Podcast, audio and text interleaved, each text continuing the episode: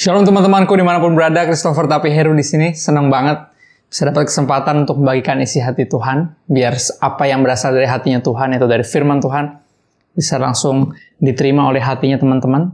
Ya karena gue percaya apa yang dari hati pasti langsung sampai ke hati.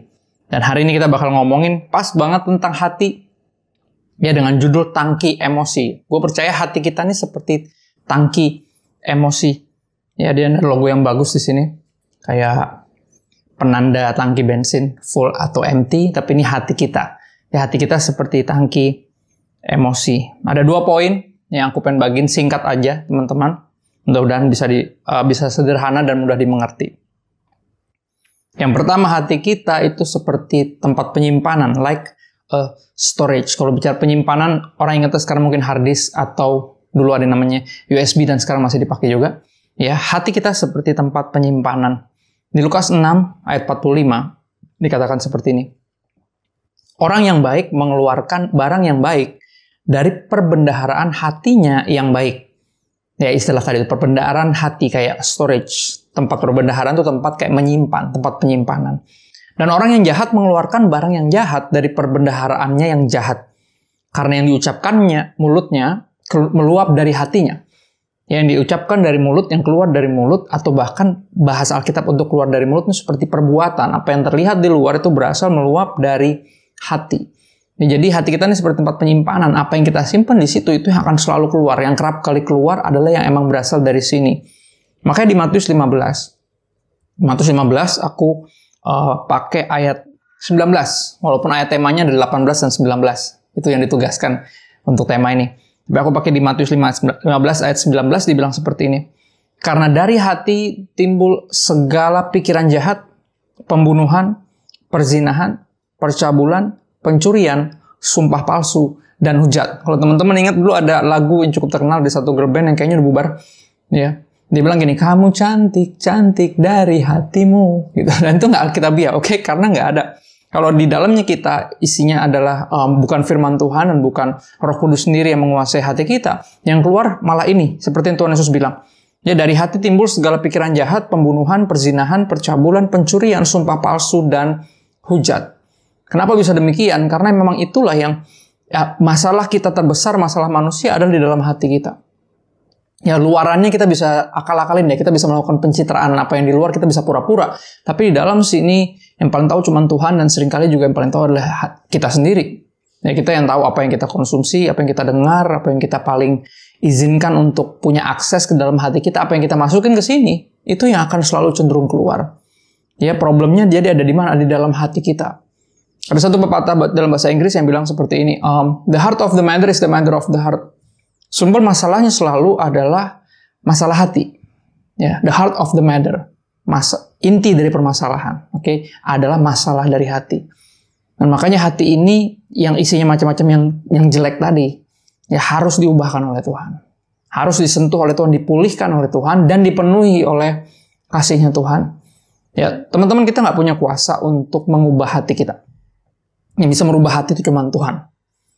Ya, makanya ada, ayat-ayat seperti Heskel 36 ayat 26 sampai 27, teman-teman bisa lihat sendiri nanti gue nggak buka di sini bisa jadi PR juga. Itu ayat pertobatanku tentang hati yang baru ya hati yang baru yang diubahkan oleh Tuhan.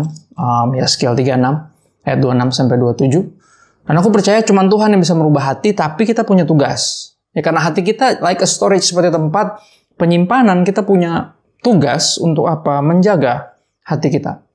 Menjaga artinya nggak membiarkan apa pun yang kita tahu akan merusak hati kita dan membuat hati kita ini jadi busuk sehingga yang busuklah yang terus keluar. Ya kita punya tugas untuk menjaga apa yang masuk ke situ. Ya ketika Tuhan ganti hati kita sama yang baru, hati kita pasti juga telah dibersihkan. Hati yang di Yeskel 36 26 27 tadi dia bilang hati yang keras itu diganti sama hati yang baru. Hati yang dari Tuhan merindukan Tuhan dan mestinya emang diisi sama firman Tuhan. So makanya di uh, di kitab Amsal, Raja Salomo berkata di Amsal 4 ayat 23. Dibilang seperti ini. Jagalah hatimu dengan segala kewaspadaan, karena dari situlah terpancar kehidupan. Ya, jadi Tuhan, hanya Tuhan yang bisa mengubah hati, tapi kita punya tugas, teman-teman kita semua. Ya, teman-teman dan aku juga punya tugas untuk menjaga hati kita. Ya, dengan segala kewaspadaan, artinya kita nggak biarin semuanya mesti dimasukin ke hati. Kita yang punya, kita punya ini loh. kita punya kuasa kasarnya. Kita punya hak untuk menentukan mana yang mesti dimasukin ke hati, mana yang nggak perlu. Mana yang nggak perlu dibaperin, dan mana yang perlu. Kalau bisa dibilang kayak gitu. Kita kita bisa menentukan mana yang perlu dibaperin dan mana yang nggak perlu. Mana yang perlu direnungkan dan mana yang nggak perlu direnungkan. Yang mana yang cuma cerita, jadi nggak usah terlalu diseriusin. Mana yang benar-benar kenyataan atau kisah nyata yang harus diseriusin. Ya banyak aku perhatiin, orang sering kali memperhatikan atau merenungkan yang nggak penting direnungkan. Contoh, nonton film. Ya apalagi film horor misalnya. Ya nontonnya udah tiga minggu yang lalu, tapi takutnya masih sampai hari ini. Ya itu artinya membiarkan hati membiarkan hati itu masuk uh, satu kisah yang nggak penting. Kenapa? Karena itu cuma film. Tapi jadi jadi susah move on. Kenapa? Karena dimasukin ke dalam hati. Kenapa? Karena di judulnya ada tulisan based on true story. Jadi didasarkan pada kisah nyata dan aku selalu aku bertanya kepada teman-temanku yang yang sutradara eh, penulis film. Dan aku bertanya ini kok ada tulisan kis based on true story itu berapa persen sih true story-nya? Dan dia bilang paling banyak 10 persen. Ya intinya itu cuma garis besar ceritanya tapi di detail di dalamnya itu semua udah udah permainan film udah udah skenario udah naskah. Dan dan bayangin bagaimana 10% kebenaran 10% kisah nyata bisa mempengaruhi 100% hati kita? Bukankah itu sesuatu yang sia-sia Makanya apa kalau nonton film, udah nonton aja, nggak usah terlalu nggak usah, usah terlalu direnungkan dan sungguh-sungguh. Tapi kalau baca Alkitab harus sungguh-sungguh. Kenapa? Karena Alkitab benar-benar true story. Tuhan kita benar-benar baik dan setia dan penuh kasih dan panjang sabar. Ya, itu beneran dia true story. Dan kenapa kita nonton film bisa dibawa per, dibawa perasaan, tapi kalau baca Alkitab nggak bisa. Ya, padahal disuruh jaga hati kita. Dengan segala kewaspadaan kita harus memutuskan mana yang mesti dimasukin ke hati dan mana yang nggak perlu dimasukin ke hati. Yang mana yang mesti diseriusin dan mana yang mesti dianggap ya apa-apaan sih, cuman film yang gitu. Ya, karena dari situlah terpancar kehidupan. Dari dalam sini ya apa yang kita simpan di hati kita, apa yang menguasai hati kita itu yang akan terpancar keluar. Kehidupan kita seluruhnya, tindak tanduk kita. Ya, kalau di sini mungkin pakai bahasa emosi kita. Ya berasal semua dari dalam sini. Ya bukan cuma emosi kadang, tapi juga semua tindak tanduk kita itu dipengaruhi oleh perasaan kita yang yang tentunya berpusat di hati kita. Kita mesti menjaga hati kita dengan segala kewaspadaan. Oke, kita udah tahu tugas kita, tapi pertanyaan berikutnya adalah gimana cara bisa jaga hati, Kak? Pertanyaan sering muncul tuh itu.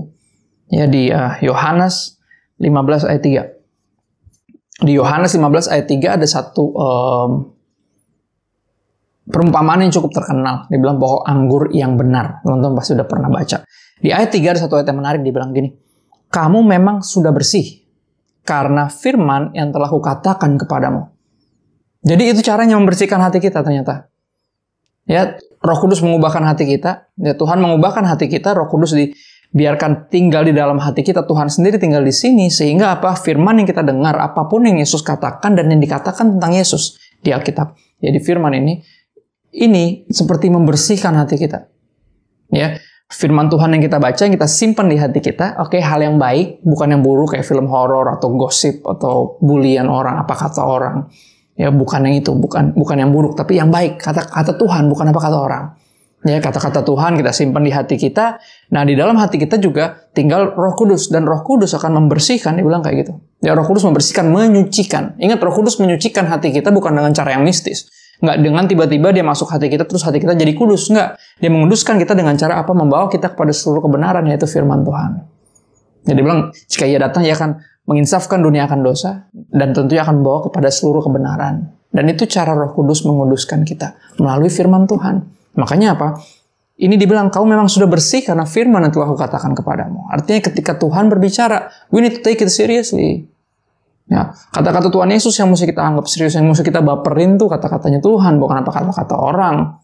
Ya kata-kata orang itu yang pas kita baperin kata-kata orang itu yang merusak hati kita akhirnya, ya nggak? Nanti kita denger dengerin yang enggak-enggak, dengerin berita hoax, dengerin berita-berita, kita malah makin takut. Ya tapi biar kebenaran firman Tuhan, biar apa yang Kristus katakan, ya ini membersihkan hati kita. Dan kata-katanya menarik, kamu sudah, memang sudah bersih. Artinya Tuhan membersihkan hati kita. Melalui apa pengorbanan di kayu salib tentunya. Dia menguduskan kita dari segala dosa-dosa kita. Ya dosa kita dibasuh oleh darahnya yang kudus. Dan apa abis itu kita hidup dalam firman, firman Tuhan yang mulai kita anggap serius, kita masukin di hati kita, the storage of our heart. Ya, dan sehingga tangki itu dipenuhi dengan kasih. Dan kalau kita mengenal Tuhan melalui firman yang kita tahu betapa dia sangat mengasihi kita. Karena begitu besar kasih Allah for God so loved the world. Kita sangat dikasihi. Dan biar itu yang memenuhi hati kita. Sehingga hati kita apa? Dibersihkan. Kalau memang sudah bersih karena firman yang kukatakan kepadamu.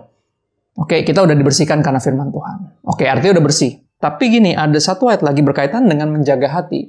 Ya ini ayat terakhir kita dan aku akan uh, take agak banyak waktu di sini untuk menjelaskan karena ayat-ayatnya sangat-sangat indah. Ya, kebenaran ini sangat indah. Ya, ini cara kita menjaga menjaga hati kita dengan firman Tuhan, dengan firman Tuhan. Di Mazmur 119 ayat 9 sampai 11. Firman Tuhan pertama, gini, Tuhan mengubahkan hati kita, dia mengganti hati kita dengan yang baru seperti janjinya kepada Yeskiel di Yeskiel 36 ayat 26 sampai 27. Tapi bukan cuma itu doang. Setelah dia mengganti hati kita dengan yang baru, dia biarkan rohnya tinggal dalam hati kita. Roh yang ini akan menguduskan kita ketika kita membaca firman Tuhan, ketika kita mulai penuhi hati kita, the storage of our heart, tangki hati kita, tangki emosi kita ini dengan firman Tuhan. Dan di situ kita dikuduskan, kita dibersihkan. Dan untuk menjaga hati, gak cukup cuma diganti terus dibersihin. Oke, tapi mesti dijaga kebersihannya. Makanya disebutnya jagalah hatimu dengan segala kewaspadaan. Artinya ada bagian kita yang harus kita lakukan. Ya karena gini, merubah hati itu kuasanya Tuhan, cuma Tuhan yang bisa. Tapi menjaga hati itu tugas kita. Ya, aku pakai baju dari The Messenger, tulisannya guard your heart, jaga hatimu. Ya karena ini perintah ini, ini Tuhan yang berikan kepada kita. Jangan sampai kita berdoa, ya kan orang suka terlampau terlalu rohani sampai kayak Tuhan jaga hatiku Tuhan. Loh, kata Tuhan saya saya yang suruh kamu jaga hatimu, kenapa kamu suruh saya lagi? Kan konyol ya. Kita, kita Tuhan nyuruh kita, kita nyuruh Tuhan lagi. Enggak. Merubah hati itu hanya Tuhan yang bisa, tapi menjaga hati itu bagian kita. Itu tugas kita, jangan kita lempar tugas. Tuhan sudah membersihkan bahkan hati kita dengan firman-Nya. Ya sudah menguduskan hati kita dengan roh kudusnya. Tinggal di situ bahkan, tapi kita harus menjaga hati kita. Kita nggak bisa biarkan lagi apa pun yang dulu kita biarkan menguasai hati kita, masuk ke hati kita, dan merusak hati kita. Jangan sampai kita biarkan masuk lagi. Gimana cara kita menjaganya? Ya ini dia. Mazmur 119 ayat 9 sampai 11. Mazmur 119 ayat 9 sampai 11. We need to take our time here karena ini ini kuncinya ada di sini. Ya, karena hati kita itu seperti tempat penyimpanan like a storage, kita harus menjaganya. Ya, kita harus menjaga dengan segala kewaspadaan. Dan karena sudah dibersihkan oleh firman Tuhan, ya kita harus benar-benar baca Alkitab sungguh-sungguh harus di dan ini dia di, dikasih tahu kenapa. Dengan apakah seorang muda mempertahankan kelakuannya bersih? Ingat, kamu memang sudah bersih, tapi mesti dipertahankan. Ayatnya cukup sederhana kok. Ya ini bagian kita untuk menjaga hati kita dengan segala kewaspadaan. Dengan apa? Dengan apa cara apa kita mempertahankan kebersihannya? Ya kelakuan, ingat kelakuan muncul dari mana? Dari hati. Apa yang meluap yang keluar dari mulut atau keluar dari dari perbuatan kita itu meluap dari hati kita. Ya, gimana caranya? Seorang muda. Nah, ini buat ayat-ayat buat teman-teman. Dan buat aku juga, aku masih lumayan muda lah ya. Tahun ini baru mau 36. Ya udah mulai mudah tersinggung sih. Di atas 35 katanya udah nggak mudah lagi, udah mudah tersinggung. Mudah-mudahan enggak lah ya. Anak Tuhan harus penuh sukacita, nggak mudah tersinggung. Ya, coba lihat. Dengan apa seorang muda mempertahankan kelakuannya bersih? Dengan menjaganya sesuai dengan, sekali lagi, firman Tuhan. Ini caranya. Kita penuhi hati kita dengan firman Tuhan, sehingga ketika ada berita-berita yang hoax, berita-berita buruk, eh, film-film yang nggak penting, uh, ajaran-ajaran sesat, kita udah nggak perlu masukin itu ke hati kita. Kenapa? Kita akan bilang, bahwa, aduh sorry, sorry, sorry, sorry. Udah penuh hati saya. Hati saya udah penuh dengan firman Tuhan. Ya makanya mulut saya penuh dengan apa? Mulutku penuh dengan pujian kepadamu ya Yesus Tuhan. Sepanjang hari ku beri penghormatan kepadamu ya Allah. Kok gini? Sepanjang hari kita beri penghormatan artinya kehidupan kita perbuatan kita nggak mungkin berdosa dong. Dosa membuat kita mempermalukan Tuhan. Tapi kalau kita mempermuliakan Tuhan, perbuatan kita yang yang yang baik ini, yang yang mempermuliakan Tuhan ini berasal dari mana? Dari hati yang dipenuhi apa? Firman Tuhan. Makanya mulutnya penuh dengan pujian. Ya dengan apa seorang mudah mempertahankan kelakuannya bersih? Dengan menjaganya sesuai dengan firman Tuhan. Nah, berikutnya ada tips and trick dikasih tahu nih. Ya karena kan ketika mau mulai baca Alkitab pun orang juga mulai bertanya, ya gimana cara bacanya? Itu loh, banyak kan dari sini gue nggak ngerti. Apalagi kalau baca dari kejadian, waduh kak nyerah deh. Ya sulit bacanya. Sampai imamat udah paling berhenti lah. Karena aduh ini ukurannya segini berapa ratus meter, berapa meter dari bahan ini. Ah ribet kayak orang mau buka toko konveksi gitu kayak apaan sih kayak mau bikin bangunan apa gitu. Saya nggak ngerti kak. Atau kalaupun kita tahan, biasanya kita sampai di bilangan kita berhenti. Kenapa? Isinya angka semua kak. Gue nggak terus suka matematika. itu gue. Gue nggak terus suka matematika. Akhirnya berhenti di di bilangan. Nah, habis itu udah bilangan lewat mungkin ya kuat nih baca Alkitab, tahan-tahan baca Alkitab. Bilangan lewat ulangan. Siapa yang suka ulangan? Yang lagi sekolah aja nggak terus suka ulangan. ini kan kalau kalau nggak ada ulangan atau ujian, kita nggak bisa naik kelas. Kalaupun maju sedikit naik kelas nih, anggap baca Alkitabnya oke deh, udah dikuat-kuatin deh. Sampai ditawarik biasanya nyerah. Ya kan, isinya silsilah. Si ini memperanakan si ini, si itu memperanakan si itu. Nih, siapa sih semuanya kenal kagak saudara bukan terus urusannya sama saya apa kak? Ya akhirnya bukan cuma itu, setelah satu tawarik beres, ternyata dia punya sequel. Bayangin yang satu aja setengah mati kita lewatin, dia punya sequel, dua tawarik, waduh. Tapi gini, akhirnya kita bertanya gimana sih cara bacanya, Kak? Karena bukunya ini nggak mudah. Ya, walaupun tidak sesulit buku-buku pelajaran kita sih. Teman-teman yang udah mulai belajar IPA, biologi, fisika, kimia, dan ngerti bahwa ada yang lebih sulit lagi dari, dari Alkitab. Oke, jadi jangan alasan kayak, ah, Alkitab susah, Kak. Ah, kamu buku pelajaranmu kamu bisa baca kok kamu menguasainya pas ulangan bisa tuh, masa nggak bisa baca Alkitab sih, itu cuma alasan doang. Ya karena orang sering kali nggak tahu, makanya orang sering bertanya kepada saya, ya kepada aku ketika aku udah jadi pendeta, dia bilang, gue mau baca Alkitab nih bro, bantuin gue dong gimana sih mulainya dari mana? Gue bilang, ya pasti mulai dari depan lah, masuk mulai dari belakang. Mungkin tapi gini, ini tips and triknya. Gimana caranya biar kita bisa baca Alkitab dengan benar? Coba lihat. Dengan segenap hatiku aku mencari engkau. Ayat 10 ya. Mazmur 119 ayat 10. Dengan segenap hatiku aku mencari engkau. Janganlah biarkan aku menyimpang dari perintah-perintahmu. Artinya apa? Ini yang mental yang mesti kita miliki. Ya, kita mesti mendekati firman Tuhan dengan mental mencari Tuhan. Ingat, Tuhan Yesus pernah berjanji, barang siapa mencari, pasti mendapat. Barang siapa meminta, kepadanya akan diberikan. Barang siapa mengetuk, maka pintu akan dibuka. Ya, artinya apa? Kalau barang siapa, dengan segenap hati aku mencari engkau, orang yang mencari Tuhan dengan segenap hati, percayalah akan menemukan Tuhan. Atau lebih tepatnya kita ditemukan oleh Tuhan. Ya karena ada ayat firman Tuhan juga yang bilang bahwa apa Tuhan berkenan ditemui oleh mereka yang mencarinya dengan segenap hati. Jadi carilah Tuhan selama ia masih berkenan ditemui. Ada satu ayat lagi yang bilang seperti itu. Ya so ini yang mesti kita miliki. Ketika kita buka Alkitab, ketika kita mau memulai mendengarkan firman Tuhan, kita mesti dengan mental mencari Tuhan. Berharap apa? Kita akan berjumpa dengan dia. Kenapa? Karena orang yang berjumpa dengan Tuhan, kita baca di Alkitab, orang-orang ini akan diubahkan. Tidak akan sama lagi. Yang tadinya bunuh-bunuhin orang Kristen, jadi rela mati untuk memberitakan Kristus. Saulus jadi Rasul Paulus. Dan banyak lagi perjumpaan dan sama di di yang lain ngomong sama teman-teman sekarang nih aku aku juga sama mengalami perjumpaan sama Tuhan di umurku ke-24 waktu di tahun 2008. And he changed my whole life. He changed my whole life. Ya dengan segenap hatiku aku mencari engkau. Jadi ketika baca Alkitab kita berdoa prayerfully sungguh-sungguh dan bilang kayak gini Tuhan, I want to see you. Open the eyes of my heart. Open the eyes of my heart, Lord. I want to see you. Kenapa? Karena orang yang berjumpa dengan Tuhan, hidupnya nggak bakal sama lagi. Kita harus dengan segenap hati. Lihat. Ya, kita harus pakai hati kita untuk yang penting. Jangan kita segenap hatiin yang lain. Ya, sungguh-sungguhin yang lain, baperin yang lain selain Tuhan. Itu yang bikin hati kita rusak. Ya kita harus segenap hati ketika mendekati firman Tuhan. Kalau baca berita udah nggak usah terlalu segenap hati. Baca berita tuh cukup tahu aja lah. Cukup tahu aja gitu. Nggak usah terlalu gimana. Kalau terlalu direnungin malah jadi khawatir. Malah jadi ragu. Ya, malah kepikiran mau ninggalin Tuhan. Kepikiran ah, jangan-jangan Tuhan jahat. Jangan-jangan Tuhan marah. Jangan-jangan. Tapi apa ketika dengar firman. Baca Alkitab harus dengan segenap hati kita mencari dia. Ingat barang siapa mencari dia pasti akan berjumpa dengan dia. Barang siapa berjumpa dengan dia, hidupnya tidak akan sama lagi.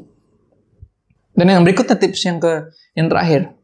Ya tips baca Alkitab yang terakhir yang pertama, kita harus baca Alkitab dengan benar-benar dengan kerinduan mau berjumpa sama Tuhan. Oke, kita cari Tuhan Yesusnya di mana nih di kisah ini walaupun di perjanjian lama ya semua Tuhan Yesus dengan berani bilang semua yang tertulis di perjanjian lama dari kitab Taurat sampai kitab para nabi semua tertulis tentang dia loh Artinya kita bisa menemukan kisah-kisah uh, Kristus penyelamatan ya, juru selamat kita, penebusan itu di sepanjang kisah-kisah di Alkitab dari dari dari kejadian sampai Wahyu. Bahkan kitab Wahyu yang sering kali dikenal sebagai kitab yang katanya ada naga, Antikris 666. Percayalah di di, di Wahyu 1 di ayat awal-awal dikatakan bahwa inilah wahyu Yesus Kristus. So bahkan sampai wahyu, it's all about Him. It's all about Jesus. Kita harus mendekati firman Tuhan dengan cara seperti itu. Ya, kita mencarinya dengan segenap hati. Dan barang siapa mencari pasti mendapat. Dan kalau udah dapat diapain? Maka tips berikutnya ayat 11 dikatakan seperti ini. Mazmur 119 ayat 11. Dalam hatiku aku menyimpan janjimu supaya aku jangan berdosa terhadap engkau. Apa yang buat seorang bolak-balik jatuh dalam dosa? Karena bukan gak denger firman, bukan gak ke gereja, bukan gak baca renungan, tapi gak disimpan di hati. Lihat, our heart is like a storage. Hati kita seperti penyimpanan dalam dalam judul hari ini bahkan disebut sebagai tangki, tangki tempat kita masukin sesuatu, kita nampung sesuatu. Ya, hati kita yang seperti tangki ini harusnya apa yang kita simpan di dalamnya? Janji-janji Tuhan. Lebih tepatnya siapa yang harus menguasai hati kita? Roh Kudus, siapa yang mesti memenuhi hati kita? Firman Tuhan. Ya, dan itu yang membuat apa? Kita tidak berdosa terhadap Tuhan. Itu yang menjaga hati ini tetap bersih. Ya, dan, dan yang membuat semua yang keluar dari mulut ini yang kita lakukan dengan perbuatan kita ya memuliakan Bapa kita yang di sorga. Ya, seperti bahasa judul hari ini tanggi emosi. Emosi kita tuh emosinya kasih. Ya kan buah-buah roh tuh apa sih? Buah roh lebih tepatnya cuma satu buah tapi sembilan rasa. Dimulai dengan apa? Kasih, ya kesetiaan, habis itu ujungnya apa? Pengendalian diri. Lihat orang sering kali nggak bisa mengendalikan emosi dan bilang, ya gue lagi kesel sih tadi. Enggak, enggak. Hati, siapa yang memenuhi hatimu? Ya, siapa yang kau baperin? Siapa yang kau biarkan punya akses kepada hatimu yang terdalam? Siapa yang kau renungkan? Firman siapa yang kau dengarkan? Ya, itu akan kelihatan kok dari perbuatan kita. Ini bukan cuma ketidakmampuan kita mengendalikan emosi kita, no. Ini adalah ketidakmauan kita membiarkan dia, Roh Kudus, mengendalikan kita. Roh Kudus, apa ya, sungguh-sungguh memimpin hidup kita. Ayo, penuhi hatimu dengan firman Tuhan. Ya, your heart is like a storage. You need to guard your heart dengan cara apa penuhi dengan firman sehingga ketika ada yang lain mau masuk, kita akan akan dengan sangat mudah dia bilang kayak gini, aduh sorry sorry, supono, kalau bahasa Manado supono artinya sudah penuh, nggak ada muat lagi tuh buat hoax, nggak ada muat lagi tuh buat bully, nggak ada muat lagi buat ejekan orang, buat um, apa buat buat kritikan-kritikan yang nggak perlu, nggak nggak muat hatiku dipenuhi dengan firman Tuhan. I live, aku hidup menurut apa yang Tuhan bilang, bukan apa kata orang. Ya dan ini penting teman-teman. Penting juga supaya apa kita tetap bersih. Jadi hati kita udah diganti sama Tuhan kita punya tugas untuk menjaganya. Dia sudah membersihkan hati kita dengan firman-Nya, dan kita punya tugas untuk apa? Menjaga kebersihan dengan cara apa? Come on. Oh, take it personal. Ini pasti buat teman-teman. Alkitab bukan tentang kita, tapi untuk kita. Alkitab tentang Yesus. Oke, okay? it's all about Jesus. Tapi ini untuk kita. So take it personal. Semua firman itu pasti buat lu kalau lu yang dengar. Termasuk yang ini. Jangan bilang kayak, aduh ini buat teman gue nih. Coba dia denger, coba dia datang. Enggak, ini bukan buat orang lain. Pertama ini buat kamu dulu yang denger. Baru berikutnya kamu bisa copy linknya terus share ke temanmu untuk dengerin kebenaran firman Tuhan ini. Nih lihat nih, lu kan nggak bisa ngendalin emosi ya kan. Tangki emosi lu kan isinya marah, ngiri. Ini kan mulut tuh isinya makian. Nih, lu mesti dengerin nih. Tapi yang pertama mesti denger teman-teman sendiri. You need to take it personal and make it personal. Oke, okay, aku jadi duta Alkitab jurnal, namanya Alkitab jurnal. Udah udah setahunan. Dan um, sebuah anugerah, sebuah kehormatan. Alkitab jurnal tuh kayak gimana sih kak? Alkitab yang pinggirannya ada kosongnya untuk mencatat. Ya jadikan ini diarymu. Because this is the diary of God. Ya bisa perjalanan kita dengan Tuhan kita yang tidak pernah meninggalkan kita. Isinya orangnya banyak macam-macam. Ya, tapi Tuhannya sama dan tidak pernah berubah. Sampai hari ini Tuhan yang menyertai Musa, Tuhan yang sama yang menyertai kita, teman-teman dan saya. Ya Tuhan yang sama yang pakai Rasul Paulus luar biasa yang ubahkan dia dari penjahat, dari pembunuh, dari teroris jadi penginjil, jadi rasul. Tuhan yang sama yang masih terus berkarya di dalam hati kita. Dia mengubahkan kita dari dalam, dia mengubah hati kita, dia membersihkan kita dengan firman-Nya, dia memenuhi kita dengan Roh Kudus, ya. Roh Kudus menguduskan kita dari dalam dan bagian kita adalah pemenjaga hati kita dengan terus memenuhinya dengan firman Tuhan. Dan aku berdoa sungguh-sungguh Aku berdoa biar pesan ini jadi sederhana. You need to take it personal and make it personal. Buat menjadi diarimu, menjadi jurnalmu bersama Tuhan. Karena hidup ini adalah itu perjalanan kita bersama Tuhan. Oke, okay. your heart is like a storage, kayak tangki emosi. Tapi biarlah yang menguasai adalah roh kudus dan yang memenuhi adalah firman Tuhan. Sehingga biar buah-buah roh, biar buah roh yang keluar yang yang berasal dari kehidupan kita yang keluar melalui emosi kita, melalui tindak tanduk kita, melalui perbuatan kita, melalui ucapan kita, dan biar kita muliakan Bapa kita yang di sorga. Dan I pray that mulai mulai yang yang, yang dengar pesannya ambil komitmen untuk mulai baca Alkitab sungguh-sungguh to take it personal and make it personal sehingga firman Tuhan memenuhi hati kita dan Roh Kudus. Roh Kudus yang menguasai hati kita sehingga kita bisa uh, emosi yang keluar memuliakan Tuhan. Kita bisa sungguh-sungguh tangki hidup ini hati kita dipenuhi oleh Tuhan dan yang keluar adalah perbuatan baik yang memuliakan Tuhan. Uh, let me pray for us. Izinkan aku berdoa buat kita semua. Tuhan, terima kasih buat hari ini. Berdoa biar roh kudus, apa pun yang telah ditabur oleh firman Tuhan yang keluar dari mulut Tuhan gak kembali sia-sia. Biar roh kudus kau berkarya. Engkau yang terus berbicara bahkan ketika hambamu sudah berhenti berbicara. Kuduskan kami dengan firmanmu ya Tuhan. Selagi kami menjaga hidup kami. Menjaga hati kami tetap bersih dengan menjaga sesuai dengan firman Tuhan. Roh Kudus bantu kami mengerti Izinkan kami mengenal dan Tuhan buka mata kami, buka mata rohani kami sehingga kami bisa bertemu dengan Engkau, melihatmu dan diubahkan. Open the eyes of our heart, Lord, we want to see you, to see you high and lifted up, membuat Engkau melihatmu ditinggikan dan dimuliakan. Dan melalui perbuatan kami, ini yang terpenting orang bisa melihat Tuhan dan percaya kepada Kristus. Terima kasih Bapak. Roh Kudus sekali lagi kami berdoa terus berbicara, bahkan ketika hamba muda berhenti berbicara. Kami minta bantuan Roh Kudus kepada Bapak dalam nama Tuhan Yesus, nama yang engkau sendiri berjanji bahwa apa pun yang kami minta dalam nama ini bukan hanya didengar tapi juga dikabulkan. We love you Lord, we love you Father. Amen. God bless you guys.